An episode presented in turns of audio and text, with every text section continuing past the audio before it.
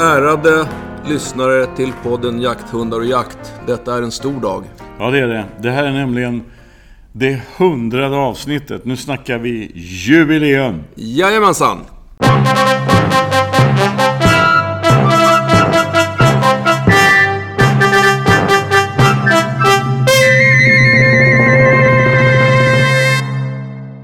Det, det är lite, man blir lite nostalgisk. Det är trots allt inte ens gått två år. Jag, jag kollade faktiskt Peter. Ehm, Vi sände det första avsnittet i mitten på september 2019. Och eh, nu är vi inte ens i mitten på eh, augusti. Det betyder i princip ett avsnitt i veckan. Ja, faktiskt. Så det får vi vara nöjda med. Vi tycker att vi har glappat lite ibland, men eh, vi har fiskat upp det på, på andra sätt. Ja, vi sa ju det, ett i veckan. Det har faktiskt funkat. Ehm, Så att idag, Eh, ja, det blir det vanliga. Vi har mycket frågor. Eh, Vi har förhoppningsvis en del svar. Vi har ett litet tävling slash lotteri. Just det, det har vi. Och dessutom har vi faktiskt... Eh, eh eftersom det är jubileum nu så har vi eh, tjatat på våra polare på Astro Sweden i Skara. Och nu är det så här att om man, om man vill köpa hundtillbehör hos astrosweden.se så får man 10% rabatt på hela deras sortiment om man använder rabattkoden jakthundar. Hur länge då? Eh, från och med nu till och med den 16 augusti klockan 23.59. Alltså bockjaktsdagen på natten mot eh, bockjaktsdag 2.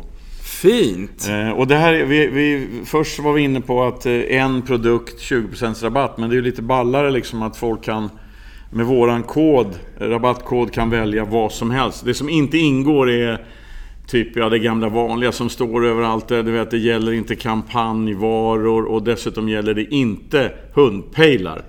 Eh, de kanske har dålig avans på den eller något, jag vet inte. Men, det är, men annars, allt de har, och tro mig, de har hur mycket hundtillbehör som helst.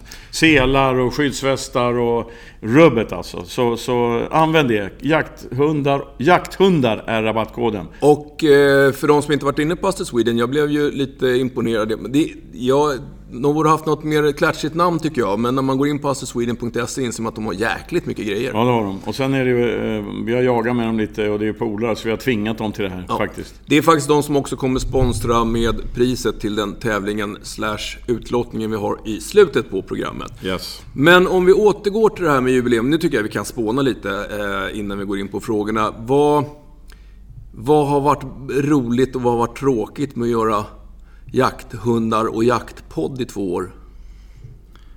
Ja, alltså tråkigt, det är väl att jag fortfarande är, fullständigt ointresserad av teknik.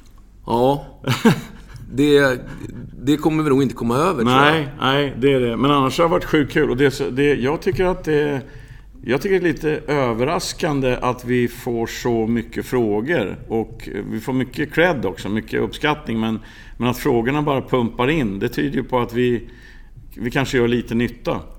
Ja, men det, är- det är det jag tycker är roligast faktiskt. Att vi får så mycket respons ifrån hundägare som både tackar dig för tips som de verkligen haft nytta av i träningen av sin hund. Eh, jag har ju fått eh, några tack för tips där man kanske har fått en felaktig diagnos och sen så fått rätt diagnos och därmed kunna behandla hunden. Och det, eh, alltså den här återkopplingen, bra och dålig ska jag väl säga, är, den är ju otroligt eh, kul att få. Eh, så man liksom får ett kvitto på att det... Sen är jag lite förvånad över, vi sa ju det när vi drog igång det här som ett hobbyprojekt, att Frågorna kommer ju ta slut. Vi, vi har ju svarat på allting snart och berättat, men, men det kommer ju nya små infallsvinklar hela tiden. Ja, Det ja. men och sen, sen är det här liksom, skälet till att jag har hållit på med det här i så många år och inte trött, tröttnar på det, det är att man lär sig själv saker. Man måste tänka till liksom och hitta nya verktyg, nya lösningar, nya idéer och sådär. Så det, är det, det varit kul. Så vi kör ett tag till eller? Det gör vi. Jag har en fråga till dig eh, som är väldigt generell. Ehm, för som sagt, vi får en del cred för att saker och ting har funkat. Men jag har ju hört det ett antal gånger, senast faktiskt för ungefär 45 minuter sedan, prata eh, om hundar och hundars signalspråk och allt det här. Den metod som du jobbar med på, alltså när det gäller hundar och hundträning och signalspråk, alltså, funkar det på alla hundar? Ja, det gör det ju. Alltså det svåra i mitt jobb, det är ju liksom... Jag menar, det, alltså, det är, det är ju... Alltså, hundens språk är det samma rakt av, men Dels är hundar individer, de använder sitt eh, medfödda språk på lite olika sätt. Vissa saker är rasbundna. Alltså vissa, vissa raser använder vissa typer av fysiska signaler mer. Um, och sådär. Så att, eh, så att, men, men generellt så gäller det för alla. Nu, nu jobbar jag ju generellt i princip uteslutande med jakthundar. Men jag får ju också hundar till mig ur andra raser. Mm. Eh, och det, det, funkar liksom på samma sätt. Jag jobbar ju med, med tjänstehundar också. Eh, och, och, det är ju samma grej. Och det jag kan göra där, det är ju inte att utbilda eh, alltså hundar i yrken. Utan det jag gör är ju att jag pillar med det här eh, lilla extra. Vad säger hunden egentligen? Liksom? Eh, för mitt mål med det jag gör med, försöker hjälpa hundägare med, det är att kommunikationen mellan människa och hund ska bli bättre. Det, det är ju det, egentligen det det handlar om. Men då kommer min följdfråga, därför att eh, vi får ju tämligen ofta mail då där, där folk skriver att ja, men de har en, en hund med någon typ av problembeteende.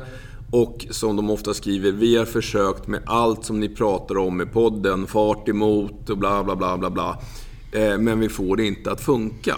Mm, eh, bra fråga. Det, det, är så här som jag ser det. Eh, återigen då, tydligt som jag ser det. Har man en vuxen hund, eh, eller en hund som, man, som kanske är sex månader äldre och sådär. Man har, eh, hunden har någon form av problembeteenden. Då har det beteendet blivit en vana. Och hundar är vanedjur. Vanor är viktiga för hundar. Så vill man bryta en, en vana hos hunden, då gäller det att vara uthållig i det man gör. För att om man, om man, om man tar ett av mina tips, eh, till exempel hindra en hund från att göra utfall.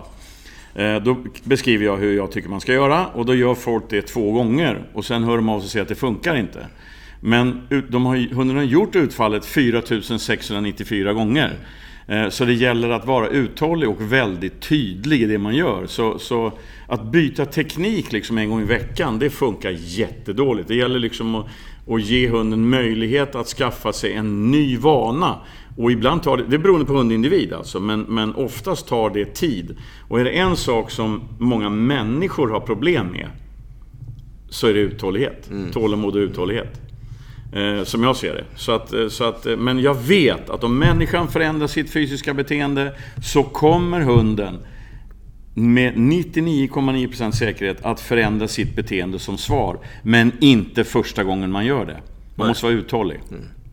Det där känner jag igen även från, från mitt jobb. Man talar om att ni måste, har man haft en halt hund, öka i små steg. Alltså ni får inte överbelasta, nu ska ni träna igång hunden och då säger man att fem minuters promenader första veckan, tio minuters promenader andra veckan och sen bygga på med lite trav, och sen bygga på med lite galopp och sen bygga på med lite terräng, eller vad man nu lägger upp för plan.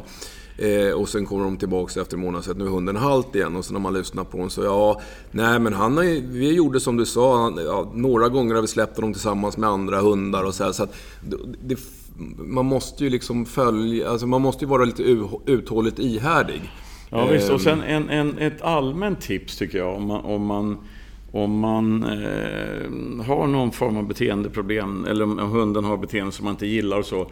Eh, försök att se på situationen, problemsituationen, ur hundens perspektiv. Hur upplever hunden det som händer? Ehm, det, det, det kanske låter lite flummigt alltså, men, men eh, så tänker jag ofta. Att innan jag ger ett råd, om någon kommer till mig på en privatlektion eller om man ska lösa någon, alltså hjälpa folk med någon så kallad problemhund. Det är att först, först försöker jag sätta mig in i hur upplever hunden den här situationen som triggar de här, eh, ur människans synpunkt, eh, jobbiga beteenden. Mm. För då får man ofta också svaret på hur man ska lösa problemet. Men vi människor har en tendens att vara lite för mycket jordens härskare, liksom, att allting ska gå enligt våra principer, vårt sätt att läsa världen. Hundar läser inte sin omvärld som vi människor läser den. Ehm, så stanna upp liksom och fundera lite grann på hur upplever faktiskt hunden det här? Eh, det är ett generellt råd. Alltså. Det, så tänker jag själv när jag ska försöka ändra en hunds beteende, också mina egna hundars eh, beteende. Lät det för teoretiskt det där eller? Ja, fast, ja, det är ju ganska, te, alltså, det är ju ganska teoretiskt. Eh, alltså, eller grundtänket är ju teoretiskt, sen gäller det att omsätta det i praktiken på ett bra ja. sätt. Va? Det... Nej, men det där, är, det där är, och som jag har sagt så många gånger, liksom, att vi människor är experter på att analysera sönder saker och ting. Mm. Eh, hundar är ganska, som jag ser det, ganska enkla mm. i huvudet. Det är ja och nej, svart och vitt, rätt och fel. Alltså det, det finns inte så mycket gråzon och funderingar och, och teoretiseringar och kompromisser och sånt i huvudet på en hund. Utan det är väldigt mycket pang på rödbetan. Ja, och nu såg jag, jag vet inte vilken gång i ordning jag såg ditt föredrag här om, om hundarnas signalspråk. Och eh, varje gång, trots att jag sett det ett antal gånger, så, så får jag lite så nya aha-upplevelser.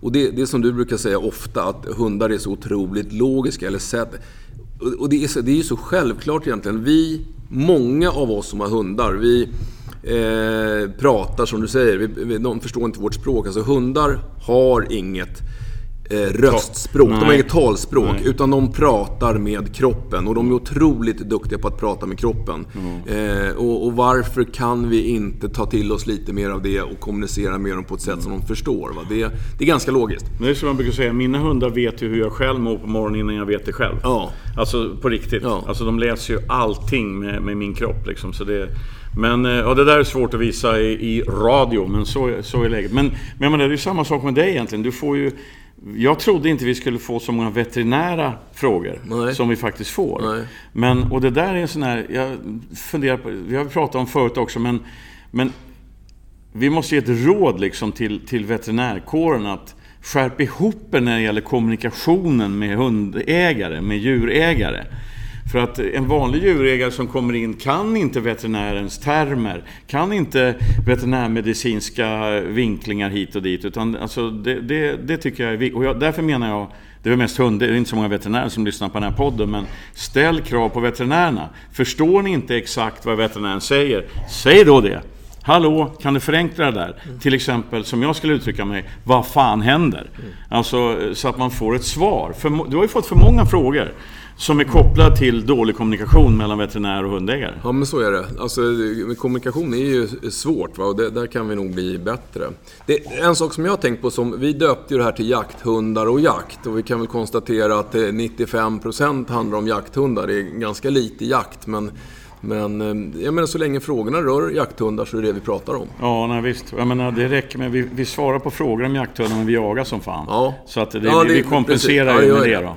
Det har vi inte sagt, men, men eh, vårt 100 avsnittsjubileum. Vi, vi, vi eh, spelar in det här i en väldigt fashionabel miljö. Ja, Selma spa i Sunne. Ja. Jättelik spaanläggning. Vi har varit här på...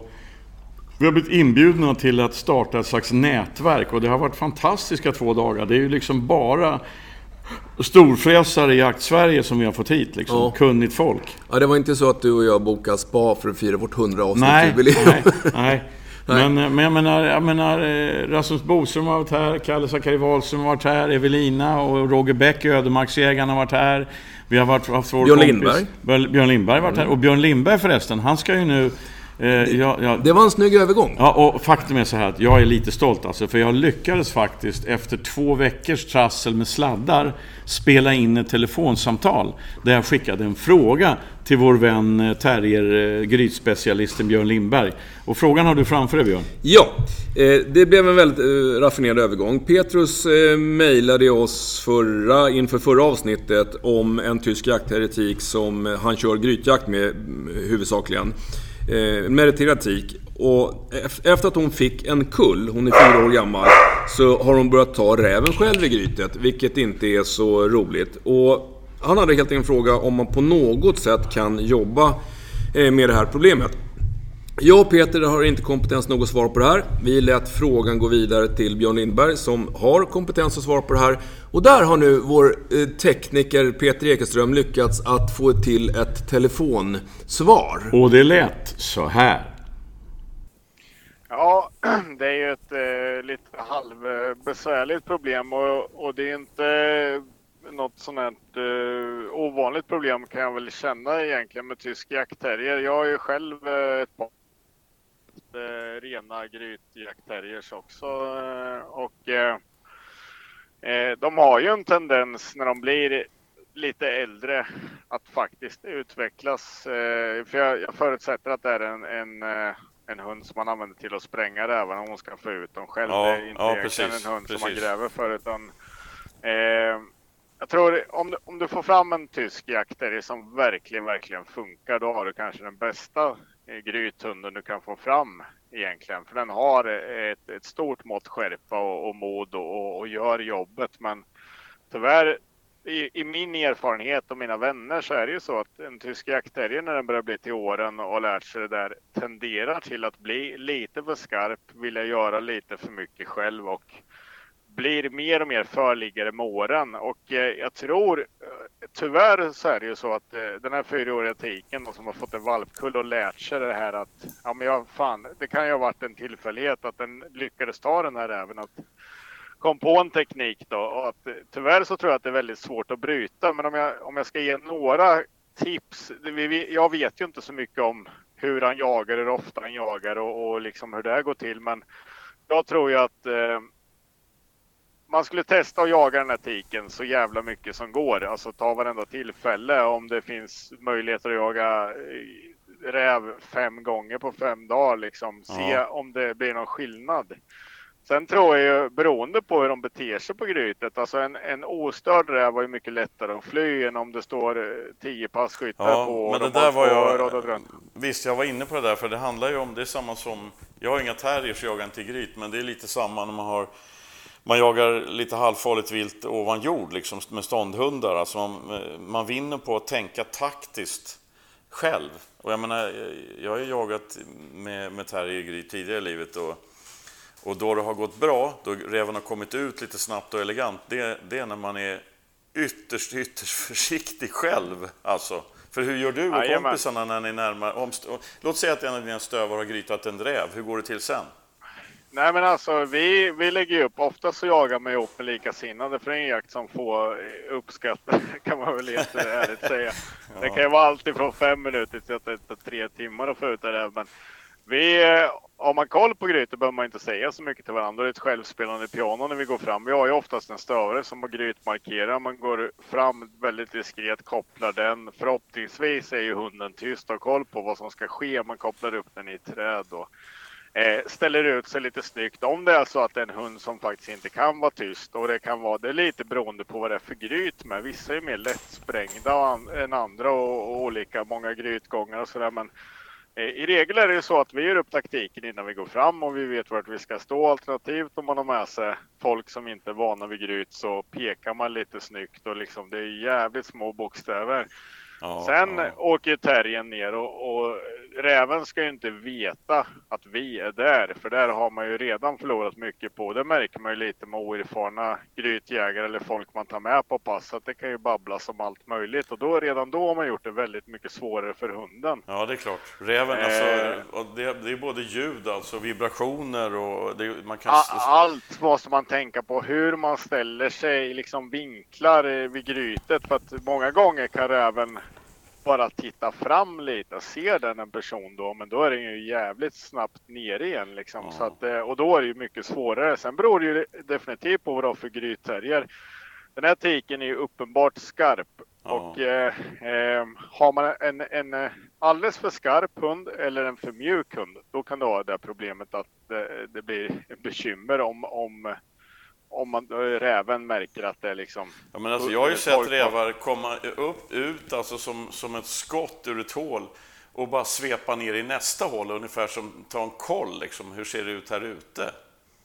Jajamän, så är det ju också. När den, när den har koll på att om vi är där, de kan ju byta gångar och allt det där också. Så att det, det är liksom inte så här bara för att räven är gryt och vi har en terrier och lite skyttar att det löser sig på något sätt. Utan det beror ju mycket på hundarbetet och väldigt mycket på vad vi gör också. Mm jag är lite mjukare hundar. Jag kör ju med vita hundar och det finns ju en anledning. Jag har ju valt Fox Terrier och det är för just på grund av det här. För jag hade ju en, en tysk jakteritik förut som var jätteduktig. Jag tror att det är en av de få som faktiskt har sprängt rävar rätt bra till de var ungefär 10 år. Ja. Men hon tenderar ju att bli lite längre hela tiden och hon, var, hon gav ju alltid rävarna en chans. Men när, när det blev sådana här knepiga rävar som bara körde ihop, alltså hon tog dem. Och det vart ju på ålderns höst. Och det, hon vart sämre och sämre att jaga med. Ja. Eh, jag vet ju inte om den här killens hund blir skadad också. Det vet jag inte. Men alltså, i ärlighetens namn, får man en hund som blir alldeles för skarp och börjar bita ihjäl rävarna. Alltså, det är inte jaktetiskt, varken mot räven eller hunden. Eh, men ett knep är ju att prova det här. Jaga hunden stenhårt så mycket man bara kan. Se om hon ändrar beteende, om det är en understimulering eller någonting. Att och du menar man jagar, henne, man jagar henne trött som, som bränner energi liksom? Ja, eller om det är så att hunden får jaga för sällan i gryt så att det blir liksom en sån upplevelse att okay. fan nu får jag börja jaga, att, att, att hunden ändrar beteende för att den känner att den får göra det. Sen är det ju en annan sak. Eh, hela proppskåpet går ju av med en hund som ligger för länge som man inte får ut och då börjar man ju gapa och skrika. Först är man lite gullig och locka lite fint och sen börjar ju rösten öka och en tysk jaktare som får ett kommando liksom eller hör att det är någon som gapar och skriker i hålet även om det är liksom nu jäklar kommer det ut så är i hundens öron bra jobbat, så ja, på, visst. mer, mer, mer. Eh, ett bra tips är om det, om det krånglar och hunden inte vill komma ut, gå därifrån. För det, det är ju liksom, jag har varit med om massor med tillfällen när hunden vägrar att bryta. Ja. Men den har sån jäkla koll på att det är där uppe. Bara att du liksom fan andas, så gå därifrån. Gå, ja. bort till, gå till bilen och låt hunden vara själv. Ja. Många gånger kommer ju hunden efter en kvart, 20 minuter och undrar vad fasen hände? Vart jag själv här? Det var inte lika roligt nej, längre. Nej. Den, den, liksom, det är ju ett test också att göra. Sen har vi ju så tredje tänkbara är väl kanske det här med munkorg eller något hakskydd eller något som gör att hunden inte kan bita räven. Men om, om hunden har lärt sig ett beteende och gå in så fysiskt. Och det är en tysk jaktterrier är ju risken att hunden inte kan svara ifrån och får otroligt mycket stryk istället. Och tyvärr är det ju så att en tysk jaktterrier som får stryk eh, lägger i en växel till liksom. Ja visst, ja visst. Eh, men, men det är de tipsen jag kan ge och tyvärr är det inte ett ovanligt bekymmer. Eller alltså tysk jaktterrier som är när de börjar bli fyra fem år och har jagat mycket gryt brukar tendera till att bli åt det tuffare laget och när de börjar göra så där så är det ett jättebekymmer att få dem att sluta med det och funkar det inte det, det är tufft alltså men eh, då, då är det nog att skaffa en ny hund eller låta hunden göra någonting annat. Jaga med den ovanpå backen och ge fan i att jaga gryt. För att jag tror att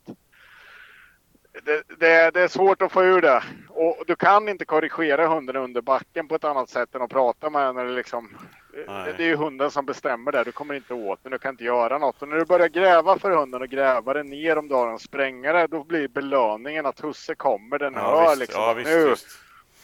Nej, men, det, men det, blir ju, det blir ju alltså, alltså, det är logiskt ur vårt, människans perspektiv, men det, får, det är direkt kontraproduktivt ur hundens perspektiv alltså. Ja, jag har ju eh, två foxterrier idag. En som jag jagar lite grävling med och som spränger räv och en som jag ja, inte gräver för. Och, och liksom där, där, kan man ju göra skillnaden. Då är det ju sådär att folk är ju livrädda att släppa, de vill ha en sprängare. Ja. Då släpper de hunden i ett gryt och sen bara, men jag vill inte jaga grävling med hunden utan det ska bara vara räv och den ska bara spränga och det är ganska enkelt. Gräv aldrig för hunden. Ja. Då kommer du få en hund som jobbar som en sprängare. Eh, ja. För den får aldrig belöningen. Eh, sen är man ju, jag kan ta ett exempel här, Orust för ett år sedan. Eh, 25 sekundmeter spöregn, jaktidioter som vi hade jagat räv och det är ju mycket räv där så det var ju rävar ute som troligtvis inte fick plats i gryten men Tesla hade grytat en räv i alla fall och sen eh, idioter som vi sa vi att men vi tar vissla och så spränger vi den där räven liksom. Mm. Och det var ju, det, alltså det regnade så att man kunde inte ens stå och titta på grytet. Och jag, hade, jag kände så här på säkringen att vad fan, jag kan inte ens röra handen. Jag kan inte ens osäkra. Jag fick ta liksom så här skjortärmen för att prova om det går och hur ska jag kunna trycka av. Och, ja, det var nog fruktansvärt. Eh, och de hade varnat på radio att de skulle stänga broar och färger och allting. Så det var ju sådär med kniven mot strupen ska jag ens komma hem. Men nog fan skulle vi vilja prova att få ut den där räven i alla fall då. Mm. Men då min perfekta sprängare som aldrig ligger mer än tre minuter och sen kommer ut och liksom hon vart ju världens bästa förliggare den dagen givetvis. Hon låg i en och en halv timme med den räven och till slut var det ju sådär att nej men vi måste göra något. Och det är enda gången jag grävt upp henne. Men jag avslutade inte räven framför henne. Jag tog henne, satte ner spaden, bar in henne i bilen. Sen sköt vi räven och sen åkte jag hem. Hon fick inte den belöningen men det är enda gången jag grävt upp henne. Och börjar man då gräva för en, en sprängare, det är ett sidospår mot vad det är vi pratar om. Men eh, börjar man gräva för en hund och i det hans fall då att det kanske är ett jordgryt han tröttnar på att hon ligger för länge eller någonting. Börjar han gräva för henne då är det belöningen att husse kommer ner. Ja, då kommer hon aldrig sluta med det där. Det är en sak Nej. är klar. Nej. Den saken är klar. Så det finns några grejer att testa men jag, tyvärr alltså. Jag, jag tror att det, det, det kan vara tufft. Eh, Vill han ha en riktigt, riktigt bra sprängare så jag, tr- jag tror att det är svårt att få den där hunden att, att jobba som sprängare något mer. Men testa de här grejerna, det, det är mitt tips. Men det, jag tror att eh, det är svårt. Men, eh, Den ja, har men- hittat sitt eget belöningssätt liksom där nere. Ja, nej men alltså, det, alltså allt det här är ju en balansgång därför att du vill ju ha en eh, du vill ha en hund, jag vill ha, alltså mina spetsar, de ska utmana och hämta ut stora, riktigt arga vildsvin ur vassarna hemma. Ja, jajamän. Alltså de, när de hör att jag kommer, märker att jag kommer, jag piper som en mus, då ska de gå in hårt för att, för att locka, till, locka grisen till utfall så att jag kommer till skott. Men de får inte bita i djuret. Nej. Alltså, så att det, vi, vi, vi ställer ju sjukt stora krav på dem. Alltså, det är en väldig balansgång där. Hunden ska ha mod och dådkraft och skärpa nog att stå ut med den här farliga jakten. Men de får inte gå över gränsen. Alltså det, det är fan en balansgång. Och då, då har du ju tysk jaktterrier då som du, du ska ju ha den som en drivande, stötande sprängare. Liksom, den ska trycka loss vildsvin och största liksom. De ska gå in där ingen annan hund vågar liksom och klämma loss dem. För det är ju, Visst. Det var någon som sa till mig, en tysk jaktare som står med gris, det är ett jävla misslyckande. Den ska inte ställa, den ska trycka loss grisen. Den ska vara stuff, så den, det, grisen ska inte vilja vara kvar. Sen ska den fungera liksom med vattenapportering och den ska kunna driva eller stöta. ja, och sen ska ja. den funka i gryt. Och få alla de där grejerna att funka, det är fan inte lätt om du vill ha en topphund. Nej, Men tysk men- jaktterrier är ju avlad för att klara allting och de bästa hundarna klarar det, men det är ju på gränsen. Det är på gränsen med vildsvin, det är på gränsen i grytjakten och allting. Visst, visst. Men det är fasen inte lätt att få ihop allting och där har vi ju även en del i aven liksom eh, som blir eh, det kan tendera att det blir för mjuka hundar eller för hårda hundar att hitta det där perfekta. Det är fasen inte lätt för de som håller på med tysk jaktterrier att hitta liksom en riktigt bra balans med en hund som verkligen är en allround-hund som tysken är. Ja. Det, det är inte lätt för det kan tendera åt det ena eller andra hållet. Är det för mjukt då funkar det inte. Är det för hårt så funkar det inte. Och du vill ju inte åka till veterinären och du ska inte jaga jaktetiskt eller ojaktetiskt liksom. Så Ja, det, ja. det är ett jävla bekymmer men eh, eh, jag har ju valt att, att skita i det där med, med grytjakt med mina tyskar. Jag hade ju Elsa som var fruktansvärt duktig. Hon är en sån här gammal lågställd tysk eh, liksom. Eh, men jag körde ju bara henne i gryt. Eh, men jag, jag har ju börjat köra Fox Terrier just för att de jag behöver inte åka till veterinären. Det är många gryt som de liksom nej, tvekar i eller kanske inte löser uppgiften. Men jag har inte den där hunden som jag får lämna som jag gjorde med Elsa flera gånger. Man åkte liksom 10 mil hem utan hund för Ja. att hon hade tagit räven och vägrade ge sig. Man hörde hon liksom ryckte och jag såg rumpan på henne men kom inte åt henne. Hon skulle ha med sig räven ut liksom. Ja. Ja, då fick jag åka hem och sen fick jag hämta henne dagen efter. Ja. Det är ju ett jävla skit alltså. Ja, ja, ja visst, Och- visst. Jag fattar precis läget. Men, men, eh, men alltså, och den här killen då och hans tik, alltså, den har nu gått över gränsen. Vad tror du om det här med att... Du sa ju själv att bästa är att försöka jaga... Eh, det klokaste är nog att försöka undvika gryt med hunden helt enkelt. Jo, men om det är så att han, eh, att han eh, har kört henne som man gör med tyskarna, eller man ska göra med tyskarna, att man jagar både gryt och eh, alltså drevjakter på klövvilt och allt vad man eh, liksom vill göra. Så det kan ju vara svårt, för det kan ju vara, tyskarna det är någonting som de bara älskar, det är ju närkontakt. Och Visst. gryten får de ju där direkt. Det är en belöning så fort de kliver ner i ett hål. Och jag hade ju bekymmer med mina hundar där att Eh, när vi var ute och jagade klövvilt, ja men eh, de gick ju ner i gryt de med. Eh, när vi inte skulle göra det. Och, och eh, det är kul när man kommer till en jakt och sen ska vi jaga någonting annat och sen slutar det med att man har sina tystterrier i olika gryt. Ja, och, och proppskåpet brinner av och det där. Men eh, det är svårt. Eh, lokalisera varenda gryt på hela marken, ha koll på hunden, fya, belöna på annat och grejer. Men liksom eh, det, det är Nej, nej, hårt. men alltså, det, jag- där, det där tror jag är, det där, just det där med tystterrier och belöna i rätt läge. Jobbar man med det, eller, eller jag kan säga så här, alltså du, jag känner ju det, du jobbar mycket med dina hundar, du är lika nördig som jag. Och jag tror, ska man få fram en tysk jaktterrier som ska kunna allt det där, eh, det tar tid. Alltså det, det, är inget som gör sig själv. Det är liksom inte färdigt när du köper en valp alltså. Eh. Nej, fy fan alltså. Det är, är massor med jobb. En tysk jaktare är ju ungefär som en drever eller en tax. Eh, släpper du den på backen under fyra månader, då kan du räkna med att du har ett rev om den hittar någonting. Ja, ja, Men visst, eh, hunden är ju inte mogen för att lösa uppgiften där, utan där måste du jobba med en jävla massa saker. Men det är i alla fall, du har en hund som har paketet. Det finns ju där, men du måste ju lägga det du, måste hjälpa hunden så att vi liksom får till det på rätt sätt. Ja. Men det är ju massor med jobb alltså.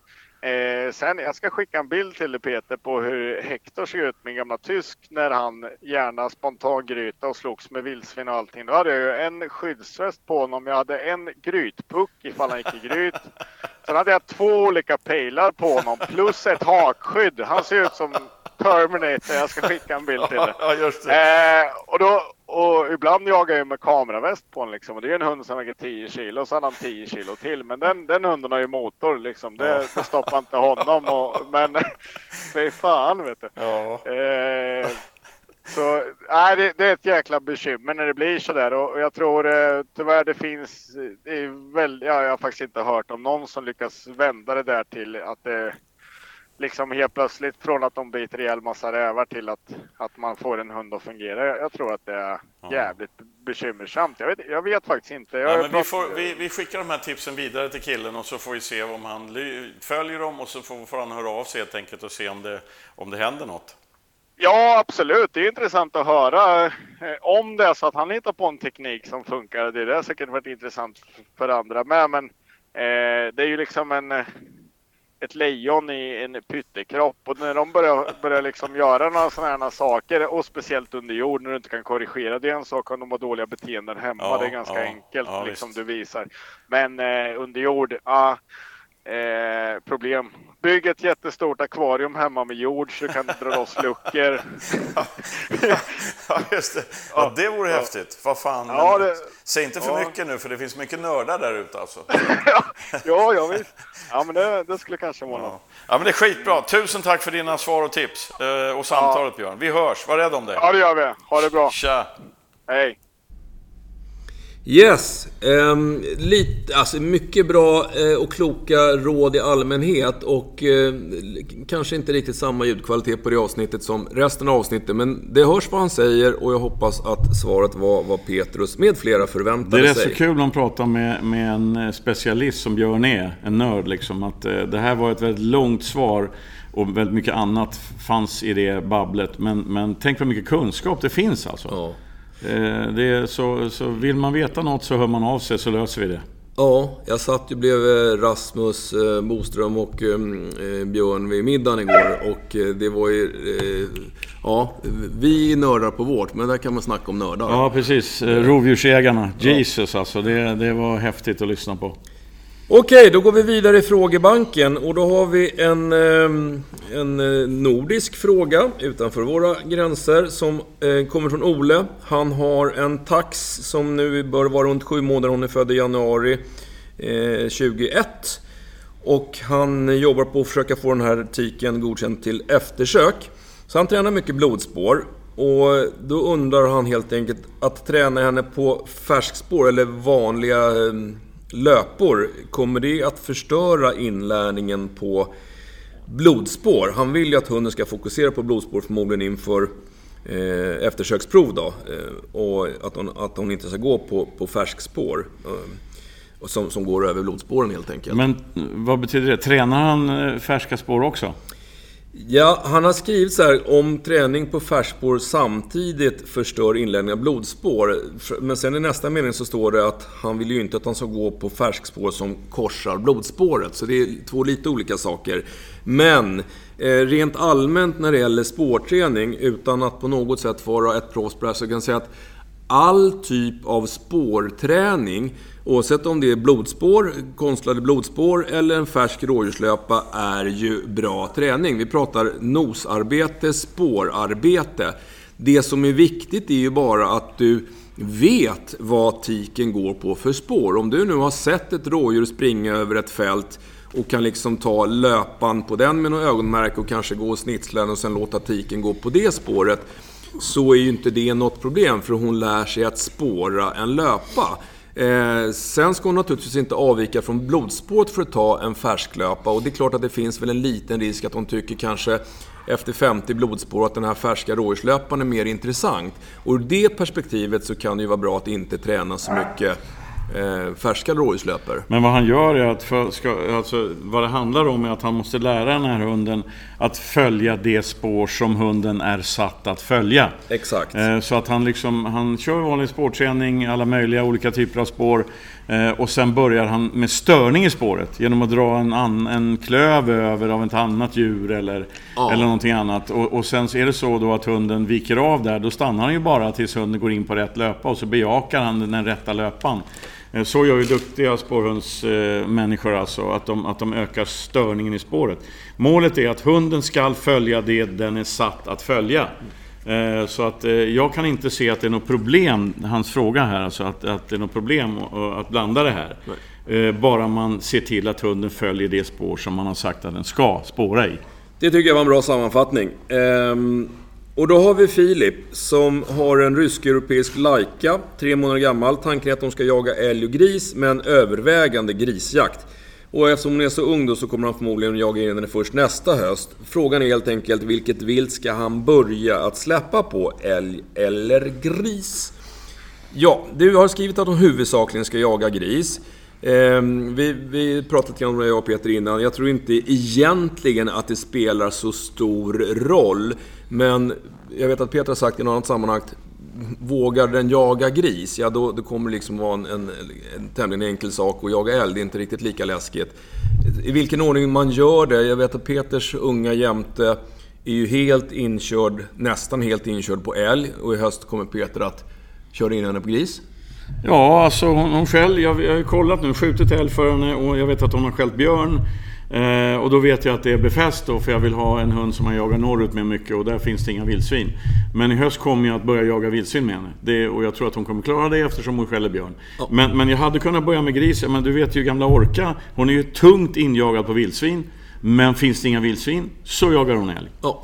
Så det korta svaret eh, Filip, alltså jag börjar med gris. eh, Det tror jag är lättast också om du vill prägla eftersom du förmodligen har mycket mer gris än älg. Ja. Eh, Finns det vildsvin på markerna så brukar de vara överväldigande fler än älgar. Så, så, och redan nu kan du ju skjuta sommargrisar, de ska ju tröska nu. Skjutna sommargrisar så har du material, präglingsträning och allt det där. Och då kommer två frågor som är ganska snarlika problemställning. Den ena, den första kommer från Anton som har en korsning vaktelmönster, en tik som är två och ett halvt år. Hon har egentligen eh, sedan hon var året ungefär haft lite problem i relationen med andra hundar. Eh, och till och med mot eh, vissa människor. Att hon eh, morrar och eh, beter sig Ehm, ja, eh, spänner sig, morrar och kan till och med hugga efter andra hundar.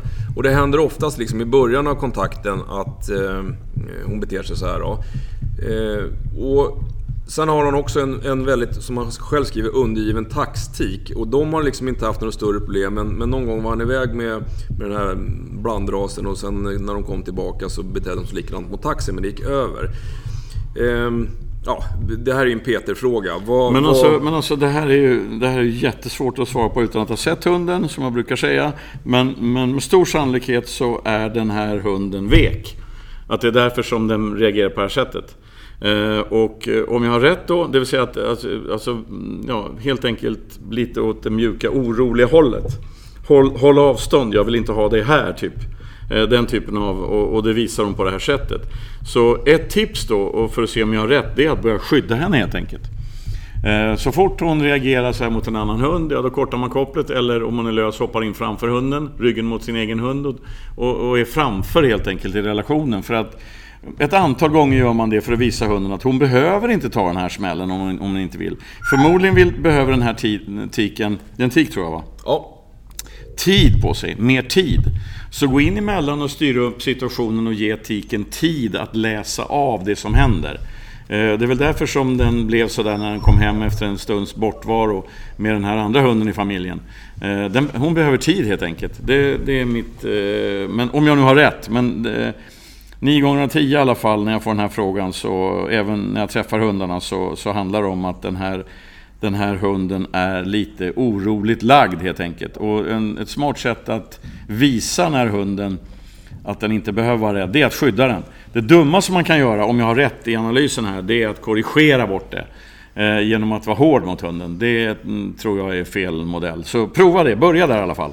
Då tar vi Simon som har en snarlik fråga då.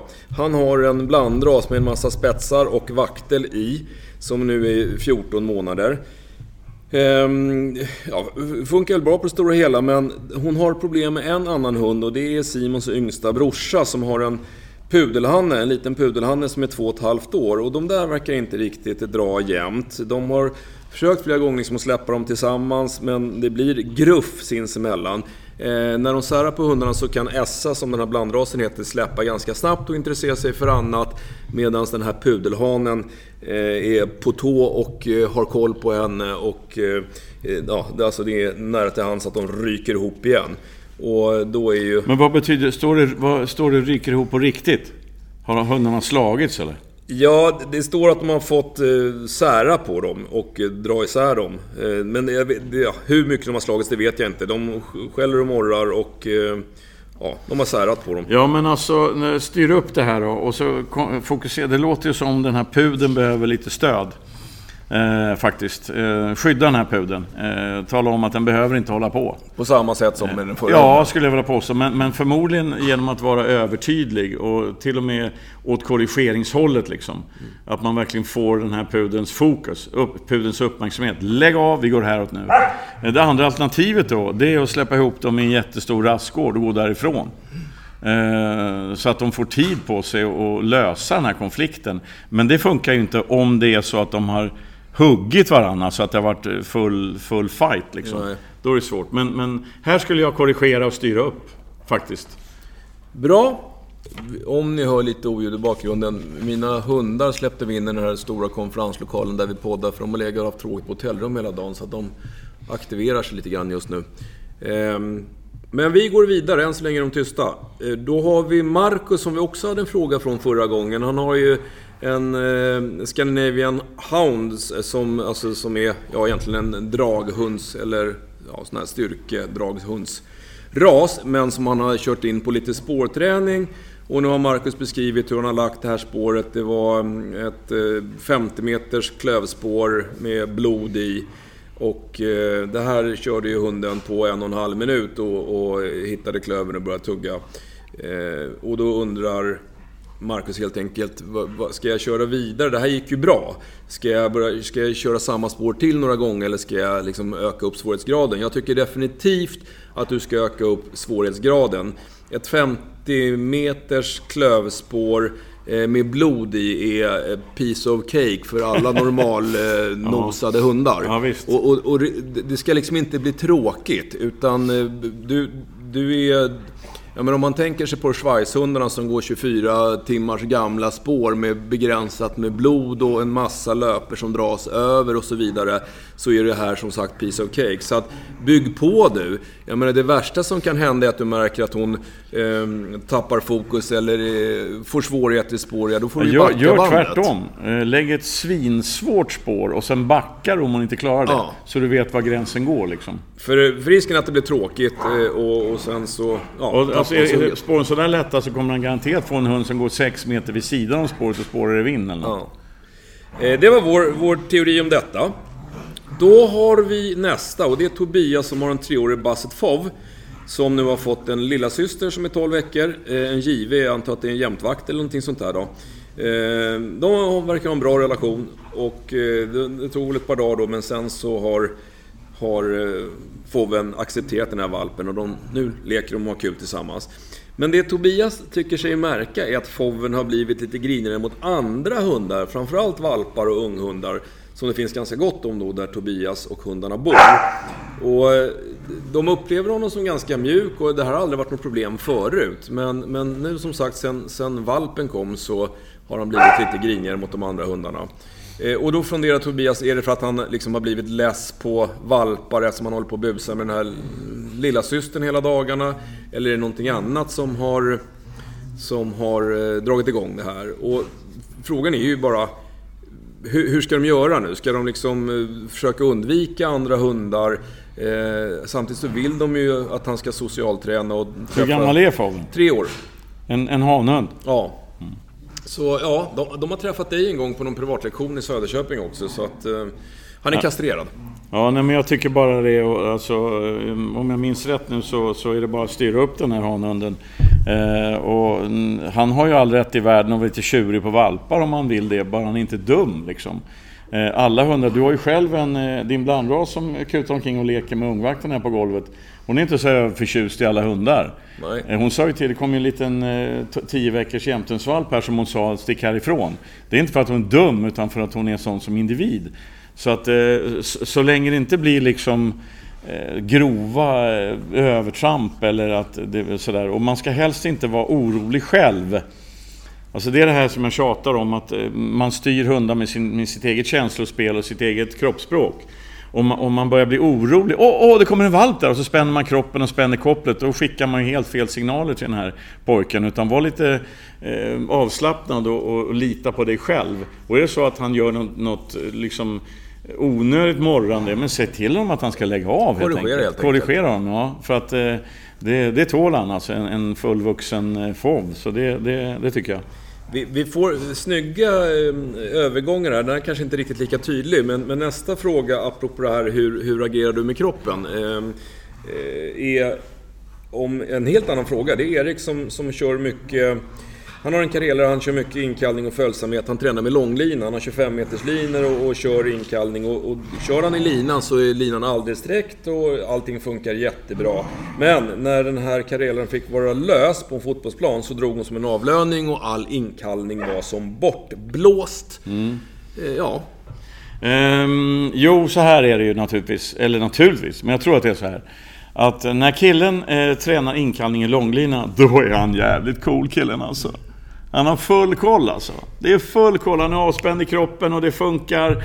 Han vet att hunden sitter i linan. Hunden vet att den sitter i linan. Man, man bara säger kom nu, kom nu och så kommer hunden. Han är hur cool som helst. Men när han släppte den på fotbollsplan tänkte han så här. Hur fan ska det här gå? Tror jag. Eh, och då började han ropa kom hit i fel läge när hunden var på väg från honom. Han, han, han, han liksom spände kroppen och blev, men, men varför funkar inte det här? Kom hit nu! Och alltså han, han gjorde om hela sitt kroppsspråk till 100%. Så det första tipset, och funkar inte det här så hör av dig igen, för det finns tusen grejer man kan göra. Det är att eh, Träna med långlinan eh, i en vecka. Du, och sen så lägger du långlinan på backen. Men tänk dig för, du agerar exakt som du gjorde när du höll den i handen. Eh, sen går du till fotbollsplan, släpper hunden. Fortfarande med långlinan släpande och du agerar exakt som du gjorde när du höll, höll den i handen första gången du tränade. Eh, och så får vi se. Med stor sannolikhet så kommer det funka då mycket, mycket bättre. Därför att den här gången så ropar du inte Stanna! Kom hit! i fel läge. Utan du låter hunden hålla på och när du, när du ser att du har hundens uppmärksamhet, då säger du kom hit, vänder och går därifrån. Chansen är jättestor att, att Karelan kommer då, garanterat.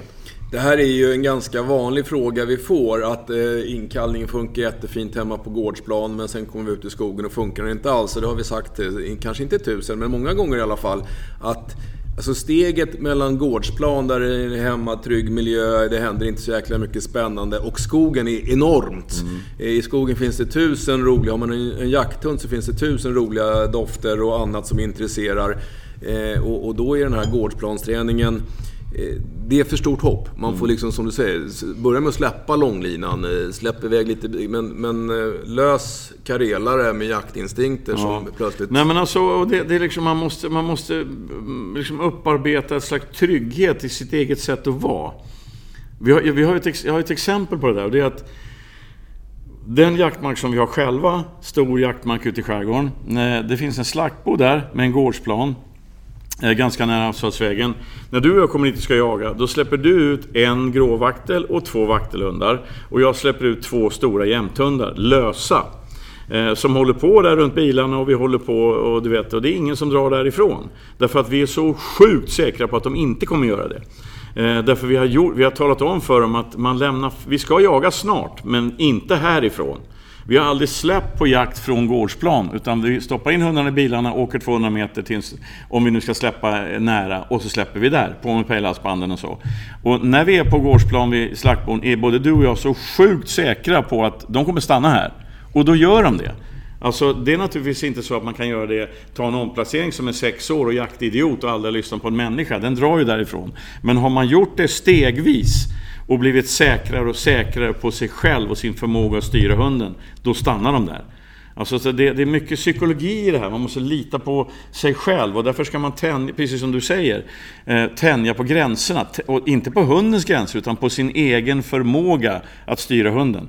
Det, det här med att träna stegvis, det är, eh, it works two ways. Liksom. Det är inte bara hunden du tränar stegvis utan det är framförallt dig själv du tränar stegvis, din förmåga att styra hunden. Så att, eh, mm, jag hoppas att det var svar på frågan, men, men att, att eh, Tänk dig för också, släpper du den här karelan på, på en fotbollsplan nästa gång, gapa inte på den förrän du är i princip hundraprocentigt säker på att den kommer komma. Då har vi bara fått ett litet kort, en liten kort, eh, ett kort tips ifrån Kalle. Eh, som har sagt att kan inte göra en video eller prata om stretching av hund. När bör man göra det, om man bör göra det, varför och hur man gör det.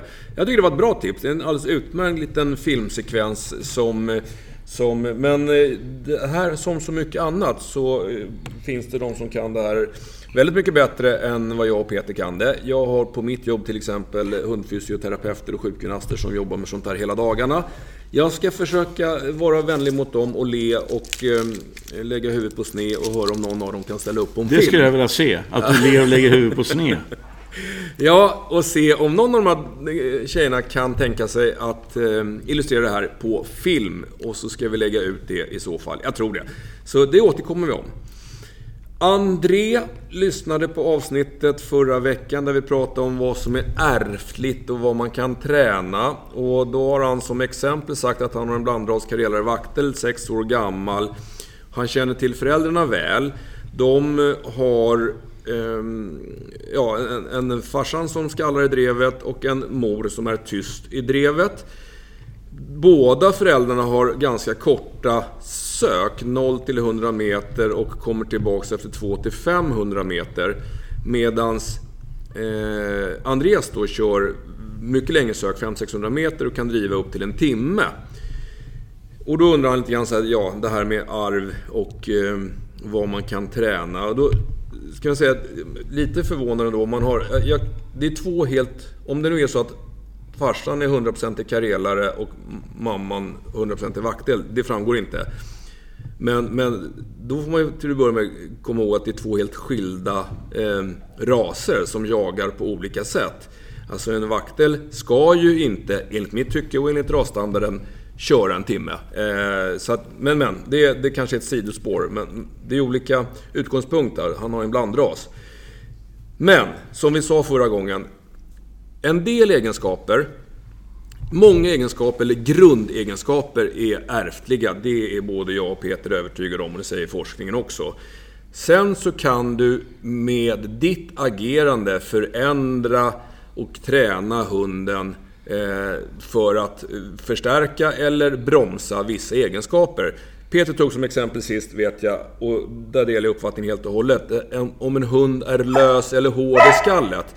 Det är en egenskap som jag tror är otroligt alltså, omöjlig att, att träna bort. Har man en hund som är väldigt lös så tror jag inte du kan få den att bli hård i skallet. Nej, nej. Men däremot så kan du med ditt agerande och ditt sätt att jaga in hunden Eh, säkert påverka eh, söket. Alltså som Peter brukar säga, när vi får frågan om hunden har ett kort sök. Alltså gå inte och prata med hunden hela tiden och, och så att den tror att den ska vara nära dig, att det där saker och ting händer och, och så vidare. Så att du kan ju ändra en och del tvärtom, Och tvärtom. Är det så att hunden har för långa drevtider så bejaka som fan när den kommer och släpp den direkt igen.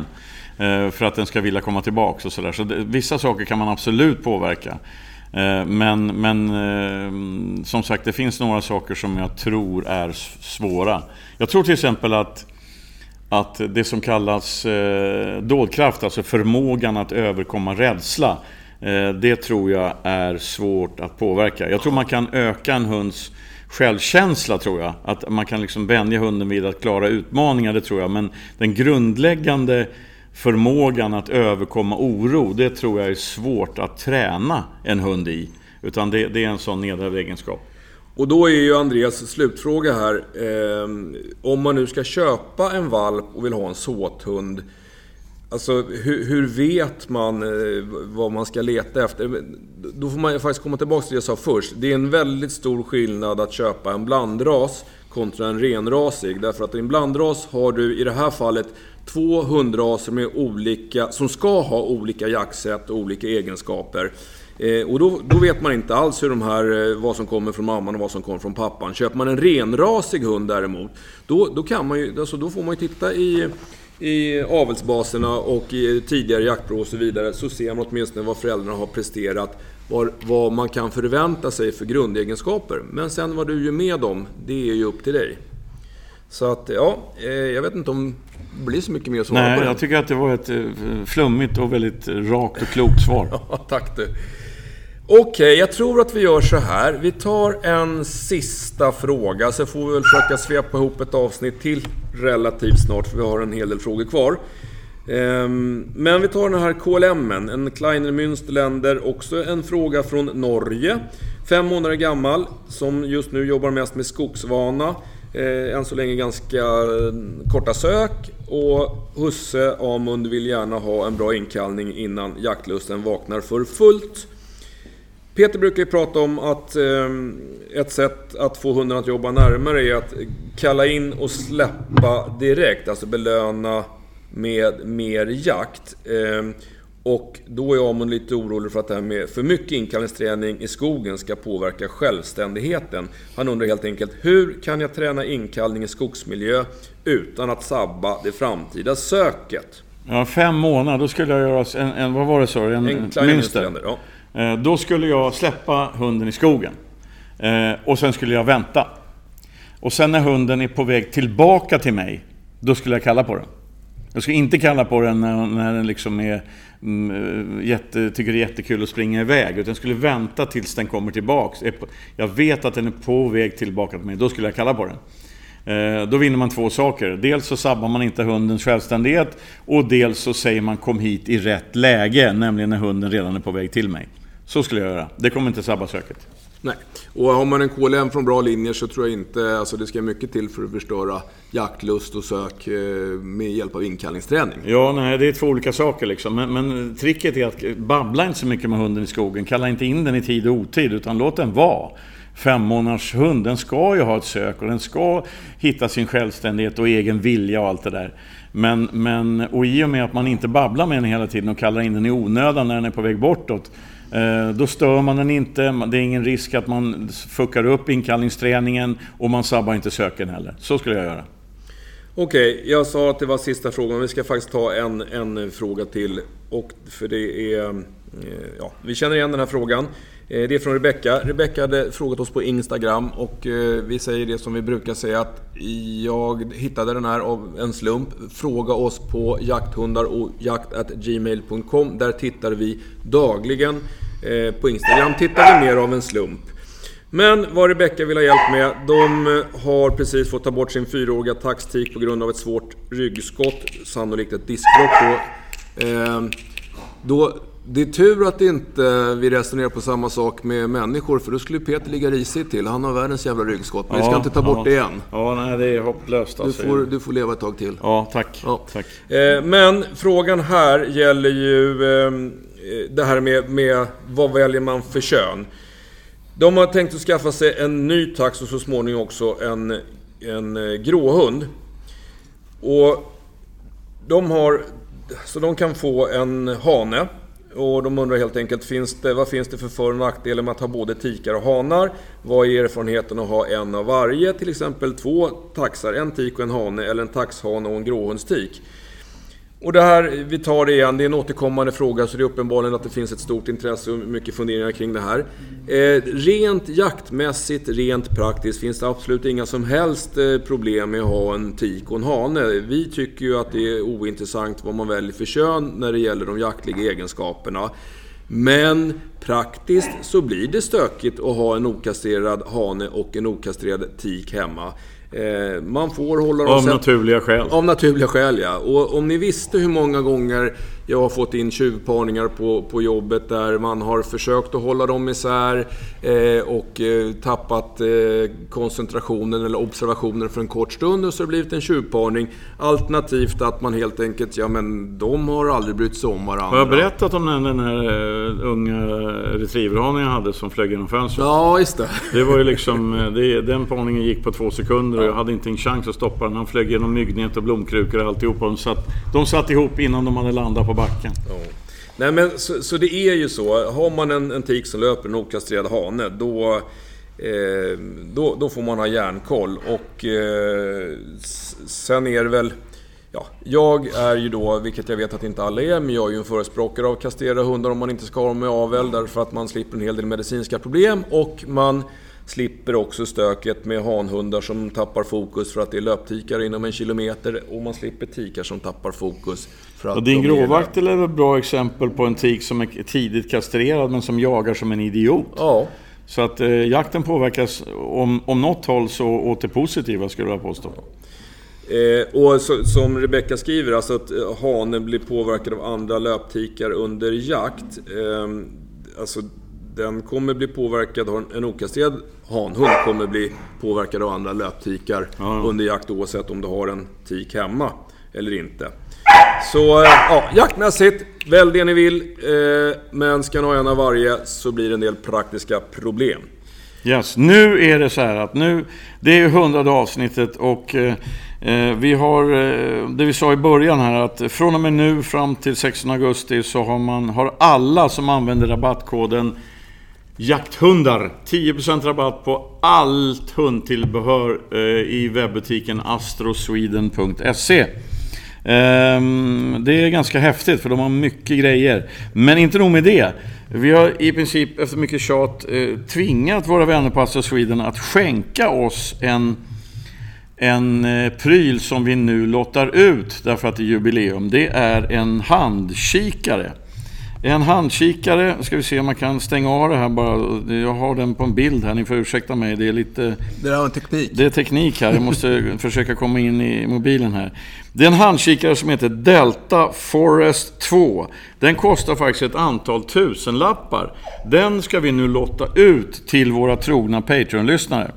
Och det blir ingen... Ja, man kan säga att det blir en tävling. Tävlingen går ut på att ni som är intresserade av att vinna den här Delta-handkikaren ni hittar på en hashtag som har med kikaren att göra. Och vi bestämmer vem som vinner helt enkelt. En, en hashtag som har någonting med kikaren att göra. Den som är den som eh, lockar oss till skratt mest, till exempel, eh, vinner kikaren. Men Punkt. vi är alltså enväldiga? Vi är helt enväldiga. Är vi mutbara? Absolut, vi är absolut. Men det finns också ett gäng tröstpris. Vi har fortfarande en mugg från vår polare på Ugglehedsmuggen som ska lottas ut med vår logotyp. Och vi har typ fem kepsar med vår logotyp som också lottas ut som tröstpris. Eh, så ni har en... Eh, när, hur länge har de på sig att skicka in det här? Eh, jag tycker att de Fram till 16 augusti? Fram till 16 augusti blir bra. Yes. Jag hoppas att vi har ehm, varit tydliga. Jag tror det. Vi kan väl bara förtydliga att alla bidrag skickas till jakthundar och jakt@gmail.com. Nu lägger vi av. Nu lägger vi av. Nu har ni lyssnat på det hundrade avsnittet av Jakthundar och jakt. Vi är jätteglada att vi har så många som eh, följer oss på Patreon. Och eh, vi hoppas vi hörs om hundra avsnitt till höll jag på att säga. Men att vi kör ett hundratal till. Men det är upp till frågeställarna. Yes. Om någon frågar oss